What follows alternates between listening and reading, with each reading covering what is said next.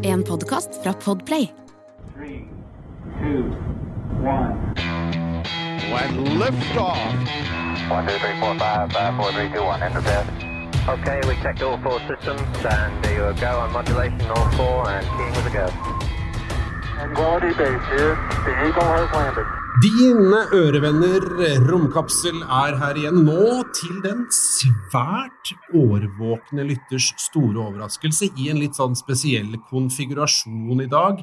Eh, Jeg ser deg ikke, Eirik, men jeg vet du er der. Ja, du føler vibrasjonene, kanskje?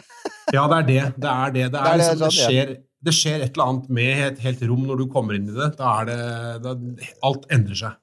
Det er eh, Einsteins generelle relativitetsteori. Eh, Objekter med stor masse har mye vibrasjoner rundt seg. Sånn er det bare. Det var dine ord. Det var mine ord! Ja. Du, Noen, eh, ja. noen er hjemme med syke barn, eh, og andre har møtt opp på riktig sted. Ja, og jeg har jo da også hatt sykdom i familien, som mange her vet, så det er i det hele tatt Det er en sånn Ja. periode. Vi må bare gjennom den, og så får vi prøve å løse våre kapselforpliktelser som best vi kan. Jeg syns vi får det til på en ypperlig måte, alt tatt i betraktning. Men er jo, så er det jo sånn, da, vi er jo heldigvis i godt selskap. eh, For det er jo ikke bare oss som eh, har litt sånn utfordringer her og der. Nei, det er helt sant, og det er jo en ting som eh, Altså, vi skulle jo egentlig hatt en livestrøm i forbindelse med Artemis 1, den store måneraketten som skulle av gårde. Eh, Jeg var ikke veldig overrasket da det viste seg at den eh, avlysningen av livestrømmen som jeg måtte ta, ikke var aktuell likevel, fordi NASA fikk problemer, rett og slett. Eh, Det var jo mange som hadde forventa. Det var jo det. Du, ja, ja, for at jeg var litt sånn Nå, nå, nå prøvde jeg å være optimist, og jeg må, jeg må gi en grunn til det. Fordi eh, Forrige kvelden så fikk vi en melding på Instagram eh, fra Joakim. Eh, Og Joakim han syns at vi kanskje har vært litt vel negative i de siste par episodene. Har vi det?! Ok, Joakim, vi får prøve å være positive. Så, vi var jo negative når det kom til Mars One, og, og Ja, der så ble det jo, ble det jo en del ne nega Ja, der ble det jo litt negativitet. Og så, og så ble det jo litt eh, negativitet i forbindelse med, da, altså, med Elon Musks Mars-planer og alt dette her. Og så Ja. skal det jo sies at vi, vi fortsetter å være litt negative fordi Elon Musk eh, vi på en måte ikke har fått et intervju med Elon Musk all den tid han er i landet akkurat nå. Ja, men vi skal eh, vi, vi så jo det at uh, altså, du, du må jo på en måte egentlig være bestevenn med Jonas Gahr Støre for å, for å få til det. Og Ja. ingen i denne podkasten er vel egentlig det, så da, det er litt der vi er. Men når Ja. det skal sies, da så, altså, vi, var jo, vi har jo egentlig vært ganske positive til Artemis. Uh, startet litt sånn eh, grettent i januar i år, men etter hvert som det har nærma seg, så har det vært innmari mye forventning. Det må vi si, da. Uh, Ja, og altså, jeg, jeg hadde gledet meg. Ja, det er klart det. Jeg satt klar, jeg, og hadde på sendinga fra NASA og så på raketten som sto der og sto der og sto der, og så stoppa det på 40 minutter, og så var det et eller annet bleed valve issues. Ja, og eh, altså det har vært mye det var jo ganske mange ting de skulle gjennom. Det var noen kommunikasjonsproblemer med Orion. De, de trodde de hadde en lekkasje i hydrogentanken, som aldri høres ut som en veldig god idé. Eh, og så var det da en, en motor som ikke gjorde det den skulle. Og, og der har de jo fått litt pepper fra diverse romanalytikere som påpeker at dette er en sånn type ting de burde ha luka ut på forhånd. Og, og at det, det vi så eh, i går, da, for dette er tatt opp dagen etter, eh, det var mer det som da kalles for en wet dress rehearsal, altså en sånn derre eh, generalprøve, kanskje mer enn en, en ordentlig oppskytning. Eh, og, og, NASA skulle kanskje vært litt ærligere på at det var det det var, men eh, vi Altså, det- NASA-sjefen Bill Nelson var jo ute etterpå, og så sa han jo det at dette er på en måte Dette hører jo med til testflighter, og så minnet han om da at han fløy opp med romferja, for det har han jo gjort. Så var det jo faktisk fire scrubs og en måneds forsinkelse, så han sa liksom slapp av, folkens. Ja. Da, da, vet du hva? da krysser jeg egentlig fingrene for at det fortsetter. Og Joakim, nå er det ikke meningen å være negativ, nå er jeg Nei, nei. bare realistisk og ser på kalenderen. fordi da håper jeg at uh, de- oppskytningen av eh, Artemis uh, lar vente bitte litt på seg, sånn at jeg også kan få det med meg. Ikke fordi sant. eh, jeg, jeg skal på tur. Du skal på Eh, tur. Og da er jeg incommunicado ute i den amerikanske villmarka på en motorsykkel, så da blir det litt sånn vanskelig å få med seg ting.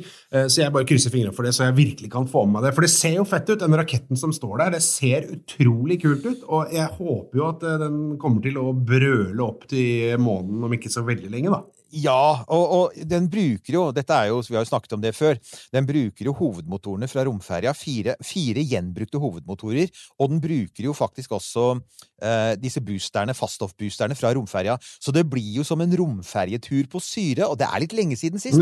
Vi husker romferjeoppskytinger var alltid spektakulære, blant annet på grunn av all røyken fra faststoffrakettene. og det vil vi jo da faktisk få, det, dette vil vi jo da få se igjen når den letter, så vi får håpe på det. Det de sier da, er at det finnes to muligheter framover uh, i nær framtid. Uh, 2. september, eh, som da allerede er passert når dette sendes, er det så 5. september, som vel også er passert. Men eh, hvis ikke de klarer i løpet av de nærmeste dagene etter at dette er tatt opp, så må de faktisk utsette en stund, og det er fordi at disse Altså, det å hele tiden drive og fylle og tømme tankene og slike ting, det utsetter faktisk raketten for store belastninger. Og da må den inn til en ekstra sjekk. Og da er det, da snakker vi i Ah, oktober, og da kan du Oi, helt klart få sett oppskytingen. Oi, shit, Så ja, det er enten nå i løpet av de nærmeste dagene, eller så er det Ikke sant? Så, så det er, og det er mye som står på spill, selvfølgelig, for at den har jo vært under utvikling i, i, i 11 år eller 20 år, litt avhengig av hvordan du regner på. Det har vi jo en tidligere episode om. Men, men igjen øh, Jeg er fremdeles optimistisk, og jeg gleder meg. Det, altså, det, her, er vi her er vi ikke negative. Nei, nei, nei, nei, nei, nei, klart vi gleder oss. Men siden vi da ikke kan uh, ta for oss uh, Artemis og hvor fantastisk flott og positivt og, og gøy det var å se raketten eh, skyte av gårde mot, mot månen, så Uh, må vi jo snakke litt om, om sola. Og det, mitt, det er et av mine absolutt nye favorittord, Eirik, og det er gravitasjonslinse. Ja. Jeg er så glad i det ordet. Ja, det er så gøy. Dette er, dette er en sak som har gjort runden i romnyhetene nå de siste Det er de siste ukene. eh, og, og vi kan jo på en måte starte litt med vår eh, nye favoritt, eh, James Webb Space Telescope. Det kan vi jo bare si at igjen, apropos positive ting, den leverer jo så det holder. Og den leverte da så nylig en observasjon av en planet som ligger 700 lysår unna. Og i den atmosfæren til den planeten så fant jo Webb-teleskopet fant jo faktisk eh, karbondioksid, CO2. Oh, ja, det Fader, det registrerte jeg. Det, det er gøy. Det er litt gøy, for at det har man ikke registrert før i eh, plan, altså atmosfæren til en eksoplanet. Og, og så kan man si at ok, CO2 er jo det vi puster ut akkurat nå, så for så vidt kan CO2 være en det kan eventuelt være en indikator på liv, men det er en indikator på mange interessante kjemiske prosesser. Nå er denne planeten er, den er fryktelig varm, 900 grader på overflaten, og, Ja, og den er på størrelse med Saturn, så den er antagelig en gassplanet. Men allikevel så er det jo en innmari spennende indikator på hva eh, Webb kan fange opp av nye, interessante kjemiske stoffer i planetatmosfærer. Så, så forskerne er virkelig gira over dette. For som de sier, dette her er en sånn Når, vi, når Webb begynner å se på diverse mindre eksoplaneter, jordlignende eksoplaneter, så kan vi kanskje begynne å fange opp spennende ting som oksygen og metan, som er to stoffer som er mye mer knytta til liv. Så dette her, spennende greier.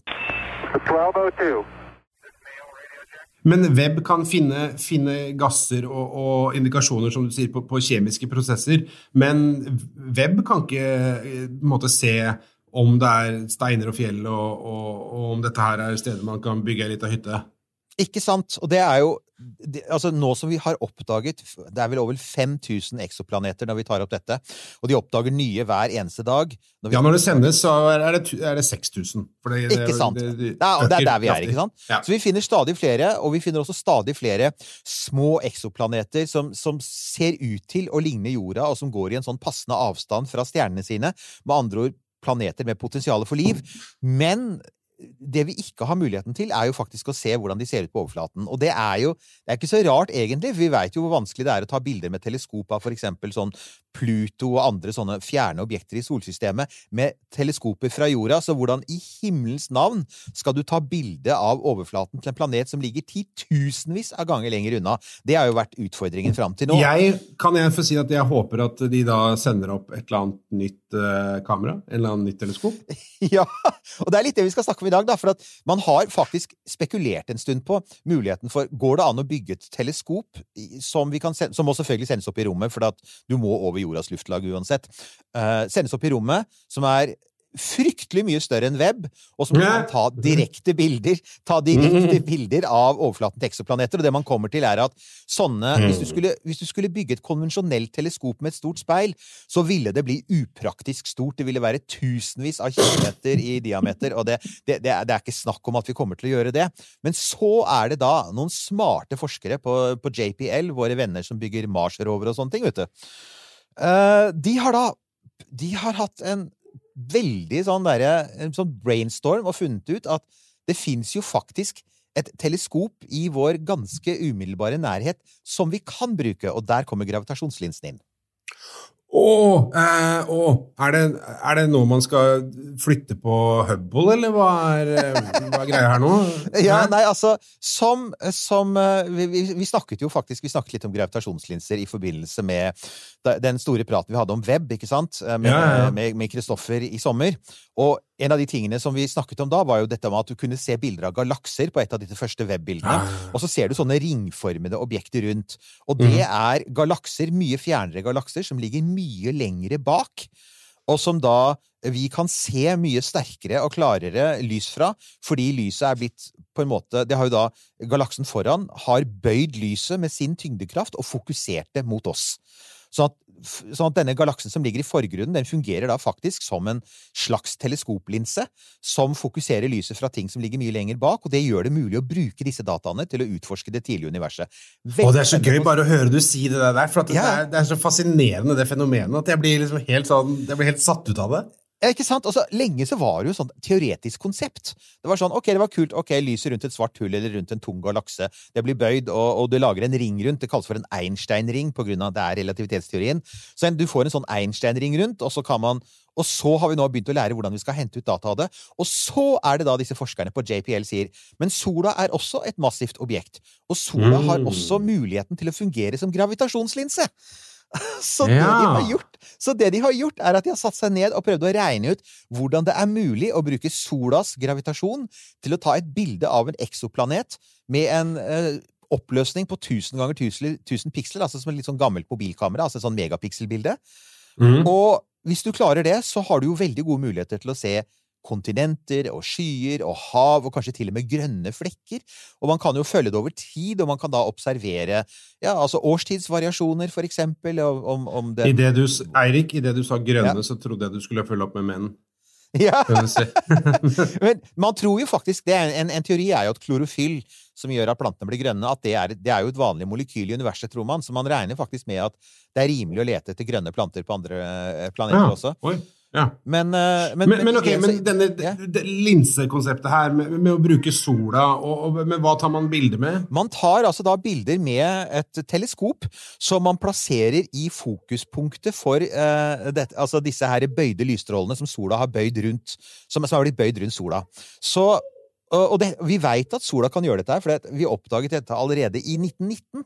Så brukte oh. man faktisk en solformørkelse hvor lyset fra sola var blokket ut, til å se stjerner som lå rundt sola. Så kunne man se at de lyset fra de stjernene var, hadde flytta seg litt grann i forhold til der de burde være. Og det, da skjønte man at det var solas gravitasjon, så det, ble, det er en av de første bekreftelsene vi hadde på Einsteins relativitetsteori, var den solformørkelsen i 1919. Og det er nøyaktig Ah. den samme effekten. Problemet er at um, Så det fins altså et fokuspunkt, det fins et brennpunkt der det går an å danne et bilde. Eh, det, problemet er bare at det ligger et stykke unna. ja, Så- da, det, det er, sola er jo da ikke et svart hull, så du kan ikke liksom være i nærheten av sola. Du må, eh, du må mellom 80 milliarder og 150 milliarder kilometer bort fra sola for å kunne finne okay. et, det, det området hvor du faktisk kan fange opp altså skarpe bilder eh, fokusert av sola som gravitasjonslinse. Skal jeg sånn, vet du. Ja, Ebba? Ja, se på den, ja. ja. Eh, hvor, hvor, var, hvor var du? Hvor var vi? Jo, jo. Nei, altså at uh, dette, dette her fokuspunktet ligger uh, opptil opp til 150 milliarder kilometer unna. Eh, Det er, det er langt. Og da hva, hvordan kommer man seg, hvordan kommer man seg dit? Altså, og det, det er jo fryktelig fryktelig upraktisk da, når ting blir så langt unna. Det vet Det vi jo er- fra alt om Mars og alt om Vi gjør jo alt, det. egentlig. Mars ligger jo bare noen hundre millioner kilometer unna. Pluto ligger for øyeblikket fem milliarder kilometer unna, og det, eh, altså den, den romsonden som har fløyet lengst ut i universet, er jo eh, Voyager 1. Og den har jo da siden 1977 så har den fløyet 40, eh, er det 23 milliarder kilometer ut, altså ca. en fjerdedel av den, den avstanden du må, må, må, reise. Så dette her er jo det er jo en formidabel jobb å komme seg ut dit, og en av de første tingene man begynte å tenke på, var ok, det for, for, for, det første, er det i det hele tatt mulig å gjøre dette her? Er det mulig å bruke liksom lyset fra denne Einstein-ringen rundt sola til å danne et bilde av en planet. Og da var det altså en, en, en, ung forsker som satte seg ned og skrev en algoritme som kunne på en måte ta det ringformede lyset rundt sola og konvertere det tilbake til, eh, til bildet av en planet. Så det, så det, er mulig å gjøre. Ja, men, men, men altså, unnskyld meg her. Vi snakker om 80 hva er det, 80-100 milliarder kilometer av gårde. Ja. Altså, jeg, jeg, føler jo Og igjen, unnskyld, Joakim, jeg skal ikke være negativ, jeg bare stiller et helt legitimt spørsmål. Tar man ikke, tar man ikke et komplisert problem Ebba, nå må du være litt stille. Det her er det syke barnet.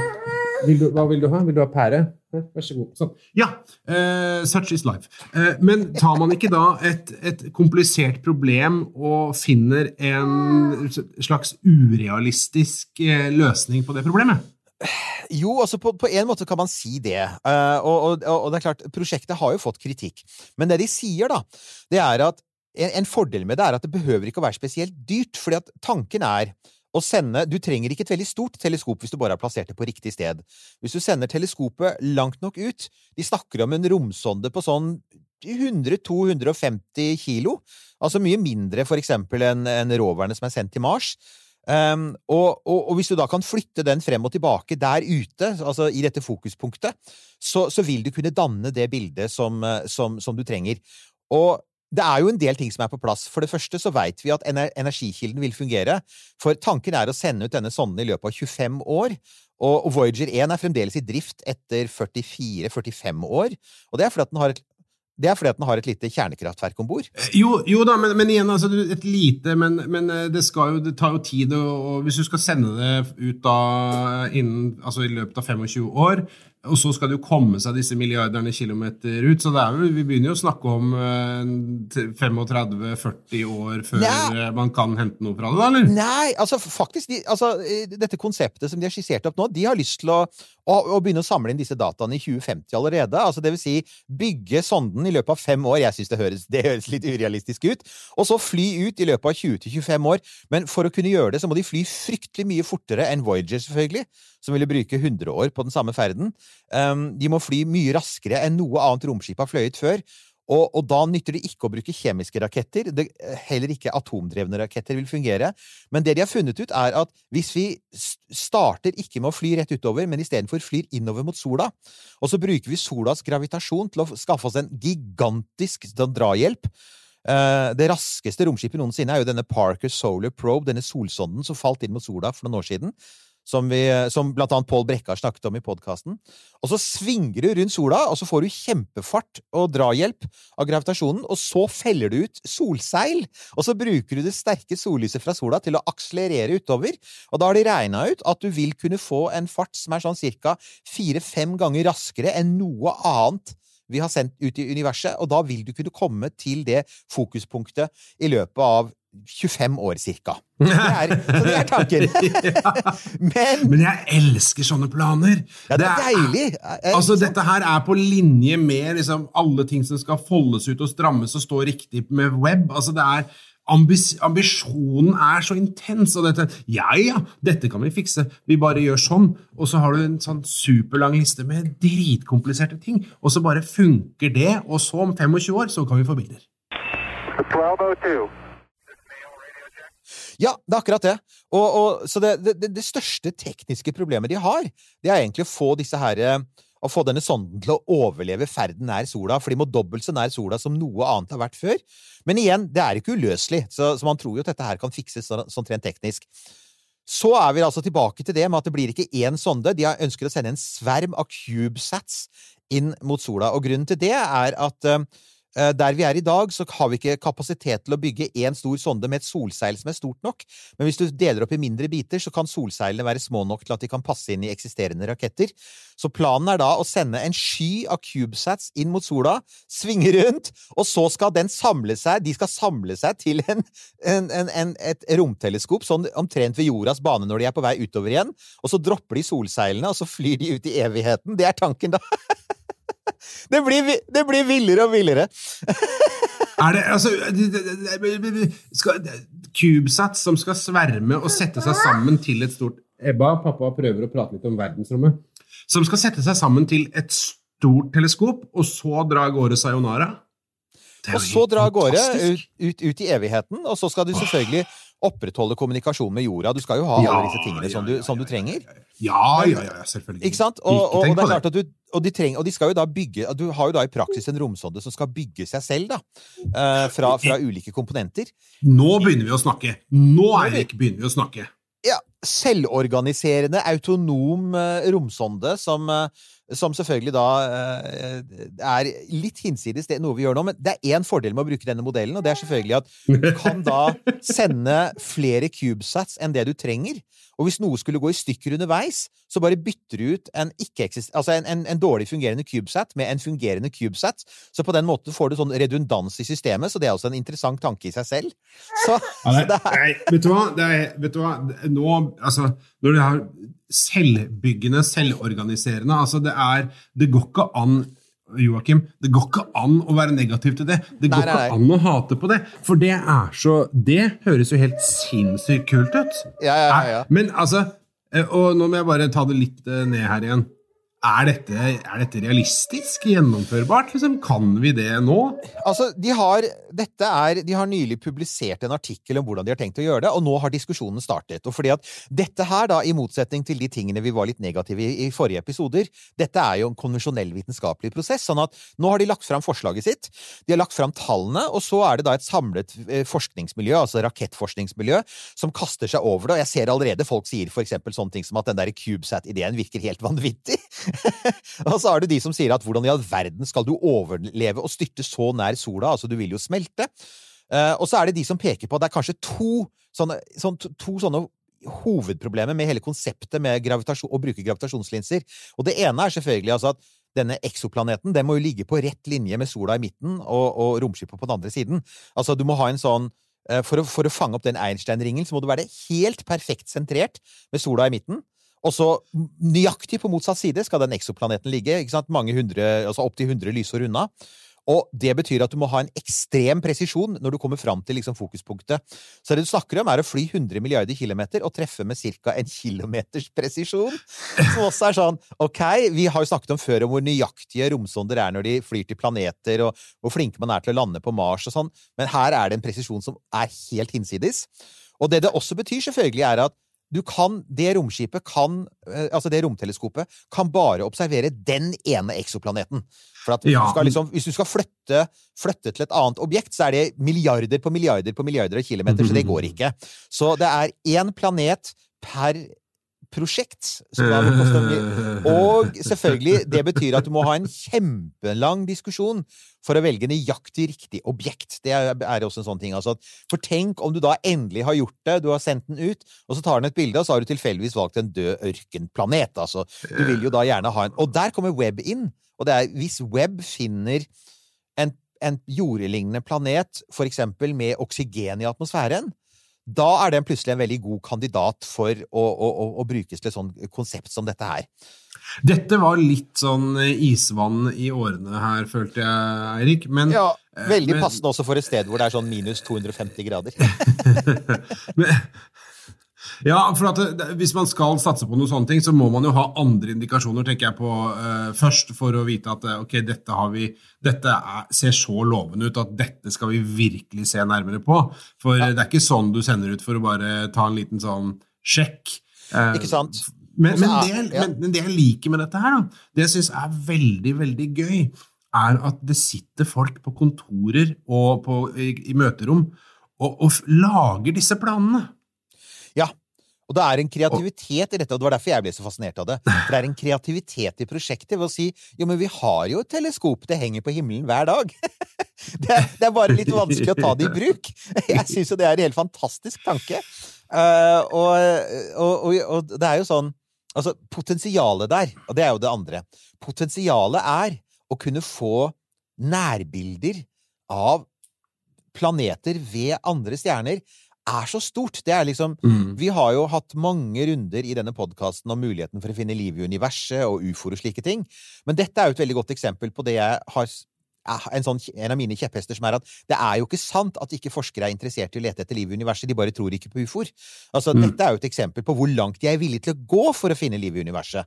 Fordi dette teleskopet er kan i prinsippet da, være presist nok til ikke bare å se liksom sånn, ja, altså kontinenter og skyer og hav, men hvis det er noe stort som er bygd på overflaten, vil de kanskje til og med kunne se det. Hvis det er en stor kunstig lyskilde på nattsiden, kan det til og med hende at de klarer å se den. Så dette er jo nettopp en del av denne forskerstrategien for å finne liv i universet, når vi ikke egentlig tror at det kommer til å komme og besøke oss, ikke sant? Mm. Og det liker jeg veldig godt. For jeg, vi, Ja. altså, vi tror jo det er liv der ute, men, men det ser ikke ut som det er interessert i å besøke oss. Vel, da må vi gå og se etter dem. Ja, jeg, vet du hva jeg kjente på akkurat nå? Eh, du tegna opp et så fint bilde, men så var det et eller annet med tidshorisonten på dette prosjektet at de bildene får vi aldri se. Nja, altså, det er det er der, da. Altså, det er klart, 2050, hvis vi spiser sunt Å, 2050! ja, Jeg trodde du sa at det skulle ta eh, nesten 50 år. Jeg skjønner du, Nei, nei, da, nei. Jeg regner ikke med at jeg blir 100, nesten. Og, og, det er litt, altså, og folk har vært litt opphengt i det, da. Ja, hvorfor er de så opptatt av at det skal gå så fort? Det er fordi at det skal kunne skje innenfor en forskers karriere, ikke sant? Vi, vi Ah, vet at ja. altså, romfart tar tid. Og hvis du tenker på det, de som begynte å jobbe på web, de, har jobbet, altså, de hadde jobba på web i 20 år da web endelig ble skutt opp pga. diverse forsinkelser. Så Mm. et, et stort og kostbart romprosjekt har en kan sluke noe sånt noe som fort sluke 15-20-25 år av en forskers karriere. Men det er klart, Mhm. hvis du begynner å si at nei, det tar 50 år, da er det utover liksom praktisk levetid for en forskerkarriere. Så det er, en, det er en grunn til at de har gått for det tallet. Og det er også for at vi på en måte skal være interessert i å investere penger i det. For hvor interessert er vi i å bruke penger på et prosjekt som gir resultater lenge etter at vi er døde? Det, det, det, det, det kan man skjønne at det vil ikke være, så, det vil ikke være noen politisk interesse for å gi penger til det. Men det vi snakker om her, det er noe helt annet. Her er det de ønsker å gjøre det innafor levetiden til, som, til forskere som fins nå, faktisk. Men, men altså, det kan man jo ikke utelukkende bruke som, som et argument, Eirik, at man eh, må se resultater av det. For jeg mener, altså, Joe Biden har vel gitt noe penger til NASA, og han kommer jo til å dø neste år. Ja, det er akkurat det. det er sant. Men, men når det gjelder sånne helt konkrete prosjekter, når du skal få, få noe vedtatt i Kongressen, for eksempel, så, eh, Ja. så, så, så, har man jo en Da, da har man Du jo må vise et eller annet til velgerne. Du må kunne vise fram et eller annet eh, spektakulært. Man må det. Men det du sier der, er jo selvfølgelig helt riktig. Altså det, vil jo, det er jo en del prosjekter som vi investerer i nå, som har en lengre tidshorisont enn 25 år, som for eksempel utforskningen av Mars og slike ting. Men det er jo én ting som mange peker på, da, og det er jo at veldig mye av trøbbelet rundt dette konseptet handler jo om at man må for eksempel lage alle disse småsatellittene, altså disse CubeSatene, istedenfor å bygge ett stort, som tross alt ville være mye enklere. Og det har med løftekapasitet å gjøre. Og da er det jo folk påpeker at det er jo en rakett til som helst skal opp i høst, som også er sterkt forsinka. Vi måtte nevne det. Det er Starship, det er Elon Musks store prosjekt. Og, og de jobber jo beinhardt nå i, i Boca Chica for å få den opp, det vet vi. Eh, Musk har nettopp vært i Norge og fått seg en liten pause fra arbeidet, men han skal vel tilbake til Texas for å jobbe med raketten sin. Og, og det er klart, hvis, hvis Starship uh, leverer, hvis Starship blir det han, som man har, har jobbet for så lenge nå, så har man plutselig muligheten til å tenke helt annerledes. Da er jo ikke lenger løftekapasiteten oppe i rommet sånn typ 20 tonn, men da er det 120 tonn eller 150 tonn. Da kan du tenke deg at du kan bygge det kjempesvære solseilet som trengs for å sende én stor kikkert ut. Og det kan faktisk akselerere hele greia, for da er det, det er mange sånne småting du slipper Altså, det er mange sånne ting som Ja, å bygge Bygge CubeSat som automatisk organiserer seg til et teleskop, det er et svært prosjekt. Ja, det, Sparer det vil jeg tro. Da sparer Men- du de pengene. Da bygger Ja, du men- én stor klump, og så sender du den ut med et enormt solseil, fordi du faktisk har anledning til det med Starship. Så det, Ja, den kan komme til å forandre det. Ja, for, det, for at det, det, er, det er eh, Per nå så er det sånn, ikke sant, at det som setter begrensning på størrelsen av det som skal opp, skytes opp i verdensrommet, være seg en romstasjon eller en sonde eller en rover eller hva nå det måtte være, det er kapasiteten på reisen fra Terra Nova og opp. Ja, det er Det det. er ikke noe annet. Det er ikke, ikke? Det er ikke noe annet. Og det, det går ikke egentlig så mye på kostnad som man har vært litt opptatt av. Altså, disse prosjektene koster milliarder av dollar uansett, så om det koster sånn fem millioner dollar, som Musk tror det vil koste, eller om det koster 150, betyr ikke egentlig så veldig mye i den store sammenhengen, for at prosjektene koster 5-10 milliarder dollar uansett. Men det viktige er kapasiteten. Det viktige er Mm. at, man, man, kan, at man, bør være, man bør begynne å tenke stort. Og det har jo vært foreslått fra flere hold nå at fra nå av, da, så snart man ser at Starship fungerer, så må man begynne å tenke helt annerledes på de prosjektene som kan sendes opp. Da kan man, og da er det jo også folk sier at men da er det kanskje mulig å sende opp noen teleskoper nærmere jorda som kan også etter hvert konstrueres for å ta bilder av ø, overflaten til eksoplaneter. Det er ikke sikkert vi Mm. må helt, det er ikke sikkert, vi må helt halvveis til stjernene og, og legge oss rett bak sola for å lete etter Einstein-ringen. Det Det hadde kanskje vært mer praktisk hvis man kunne ha en bare helt sinnssyk zoom-linse. Men, men en, ting, en ting som slår meg som jeg, lurer- når vi begynner å snakke om dette her med kapasitet og, og løftestørrelse og sånne ting Ja da, vi skal komme snart. Et lite øyeblikk. Eh, så er det dette her med eh, Hvorfor har man ikke før eh, bygd en eh, satellitt eller noe sånt noe som, som har blitt sendt opp i flere deler? Eh, Det er jo Altså, eh, mye av det handler jo rett og slett om denne muligheten for å kunne koble sammen ting i rommet eh, automatisk. Man har, jo, man jo for så vidt kunnet koble sammen ting i rommet automatisk. og når, når du sier det, Nils Johan, så er jeg faktisk usikker på om ikke det har skjedd. For eh, altså, automatisk dokking er jo et faktum. Så det er jo fullt mulig for romskip, eh, større romskip å dokke uten mennesker om bord. Så det Jeg skal ikke være helt på at ikke man har gjort det allerede, men, men hovedproblemet her er jo først og fremst at det handler ikke om å dokke sammen to komponenter, for eksempel eh, en sonde og en rakettmotor. Her handler det om å dokke sammen kanskje 15-20 forskjellige elementer, og Ja. alt sammen er finmekanikk og finelektronikk, og dessuten også optikk i tillegg. Og det er jo det som gjør at mange stusser litt over hvordan dette CubeSat-konseptet skal fungere. Men igjen, jeg, jeg elsker radikalismen i det. Jeg elsker at man bare sier sånn Vet du, nå tar vi det helt ut. Nå tenker vi Hva er det ytterste vi kan Altså, hva er det mest ekstreme vi kan gjøre med, med innafor kjent teknologi? Og det er det de har gjort her. Og det skal de ha kudos for. Og så har de dessuten satt opp et nytt mål for oss, som er dette. Eh, Vi, har nå, vi vet hvordan vi finner eksoplaneter, og de finner vi. Vi vet hvordan vi skal måle på gassene i atmosfæren til eksoplaneter. Det er blant annet det Webb gjør nå.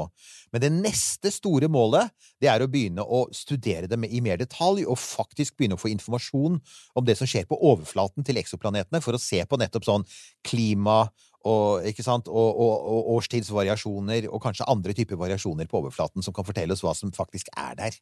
Så Mm. jeg, jeg syns jo det også er litt kult at nå har man satt opp en sånn ny hellig gral, for da har vi allerede passert noen andre viktige milepæler, og det neste må jo være å begynne å få bedre bilder av det som skjer på overflaten. Åh, vet, men vet du hva, da begynner vi jo virkelig sånn inn i alien worlds, da, og, og Ja, ja. virkelig Ja, få se det. Så, og jeg- og du vet, jeg er så Det er litt sånn skuffende, vet du. Jeg har sett noen sånne små filmer og sånn på, på, på YouTube og på diverse sånne strømmetjenester og sånne alien worlds. Og så ser du at men her er det bare noen som har hatt en slags idé, og så er det noen eh, Ja. designere som har gått bananas. Og så er det, nei, dette er ikke realistisk i det hele tatt. Det er bare noe sånt som vi, vi kanskje antar at vi tror kanskje det kan være. Men tenk så fett det blir. Man kan faktisk se Ja. bilder, da. Jeg håper jeg lever lenge nok til å få se det, altså.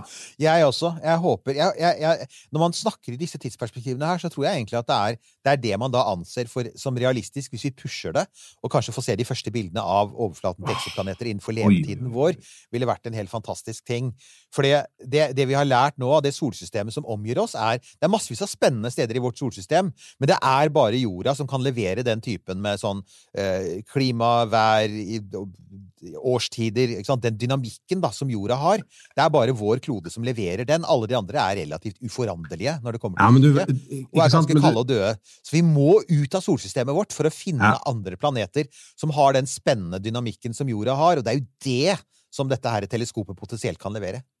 Du veit hvordan det er, Eirik, at hvis du reiser til et utland litt sånn langt unna altså, Da tenker jeg ikke Spania, men du må, du må liksom lenger unna. Du, Ut i skauen i USA, for eksempel, for å ta sånn tilf tilfeldig valgt. Ja. Helt sånn tilfeldig valgt sted. Og så Hvis du da der plutselig oppdager en boks med makrell i tomat, så er jo det sånn Åh, så gøy! Ja, ja, Men, men hjemme, hjemme er jo en, en boks med makrell i tomat en helt vanlig, mondan ting. Tenk deg da, hvis disse bildene viser for eksempel et tre som ligner på et grantre, eller, eller bare noe sånt som en foss av rennende vann, og så bare Oi, da ble det plutselig det ble det, det kuleste grantreet og den kuleste fossen du noen gang har sett, fordi den er jo 100 lysår unna. Mm. Mm. Da Ja, begynner nei, vi å det er eh, Altså, jeg, jeg bare syns det er gøy å, å, å leve i en tid som har disse mulighetene, ja, og hvor man endelig kan begynne å snakke om dette på en realistisk måte. Eh, og så det blir det veldig spennende å se hvor vi er for eksempel om fem til ti år, om, om vi har noe teknologi da som gjør at denne diskusjonen er litt sånn overflødig, og så man sier jo, jo, men dette kan vi gjøre, men vi løser det på en mye mer effektiv måte med en type, en type rakett som, ikke sant? Men det, det, må, det må ikke være løst på for enkel måte heller. vet du. Er det, da blir det ikke så gøy. Det er litt ekstra gøy når det er superkomplisert. Men som alltid så er space is hard. Det skal vi aldri glemme. Så det er, det er fremdeles grunnregelen her. Ja, Space is hard. Det er det ingen som helst tvil om. Men da tenker jeg altså det var eh, ukens lille erstatning for måneferd, folkens. Liten sånn tanke for å løfte blikket litt grann, og fortelle hva som er mulig mm, i, i romfarten uh, om ganske Nå- få år. Ja, Når folk tenker, tenker utafor boksen. Ikke sant? Og så får vi bare heller får vi bare komme tilbake til hva som skjer på vei til månen, og eventuelt i Boca Chica utover høsten, for nå er det veldig åpent, og alle strever litt med å få ting på plass. Men vi skal selvfølgelig følge opp det når det skjer.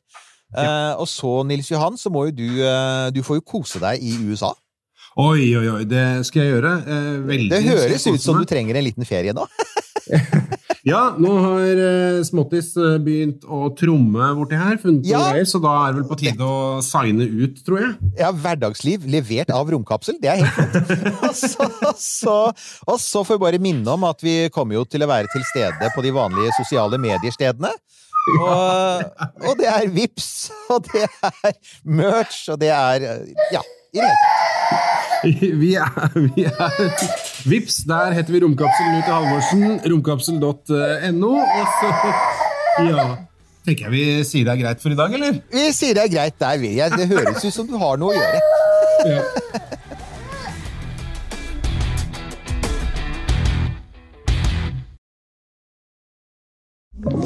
Du har hørt en podcast fra Podplay. En enklere måte å høre podcast på. Last ned appen Podplay, eller se podplay.no.